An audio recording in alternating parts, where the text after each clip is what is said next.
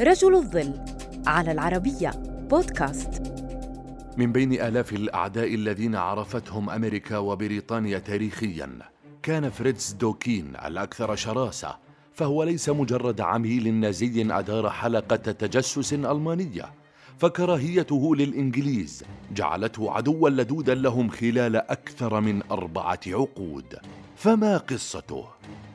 ولد فريدريك أو فريتز دوكين عام 1877 شرق لندن قبل أن تنتقل عائلته إلى جمهورية البوير جنوب إفريقيا حيث كان عمه بيت جوبرت القائد العام للجمهورية وبطل حرب البوير الأولى. كان والده الذي قتل وهو في الثانية عشرة فقط صيادا يبيع الجلود. فاحترف الصيد قبل أن ينتقل إلى إنجلترا ليتابع دراسته الجامعية وينتسب للأكاديمية العسكرية الملكية في بروكسل. في عام 1899 شارك دوكين في حرب البوير الثانية ضد بريطانيا العظمى ولقب بالنمر الأسود.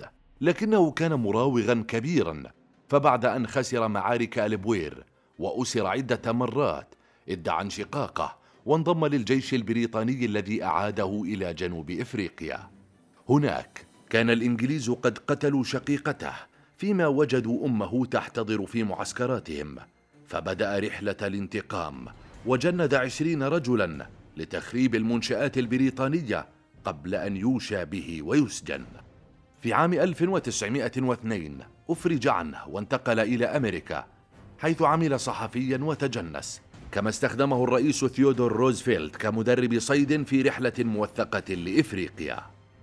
في صيف عام 1913 عرض دوكين خدمات التجسس على القنصلية الألمانية فيما كان في أمريكا الجنوبية بحجة إعداد وثائقي عن رحلة روزفلت فمنح الاسم الرمزي دن وقام بمهمات لتعطيل المجهود الحربي البريطاني كعملية تفجير سفن شحن بريطانية وإغراق سفينة اللورد البريطاني هوراشيو هربرت كيتشنر الذي حمله مسؤولية تدمير عائلته على الرغم من أن تقارير الطب الشرعي للسفينة لم تدعم ذلك.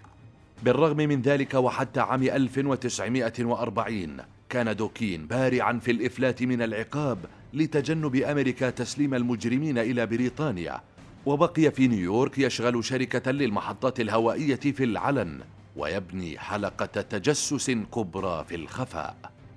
كانت الحلقة المكونة من 33 عضوا تجمع معلومات حول سجلات الشحن الأمريكية البريطانية والتكنولوجية العسكرية الأمريكية لكنها اكتشفت وحكم عليه بالسجن لمدة 18 عاما لكنه خرج بعد 13 عاما بسبب اعتلال صحته وقضى آخر سنواته في مستشفى للرعاية قبل وفاته عام 1956 رغم تكذيب بعض ما جاء به وثق دوكين سيرته بكتاب الرجل الذي قتل كيتشنر وذكر فيه فصولا مثيرة جعلته أحيانا أسير حرب وأحيانا أخرى صياد ألعاب بالإضافة لكونه صحفيا وجاسوسا لكن الدور الذي لم يتخلى عنه هو العدو اللدود لبريطانيا.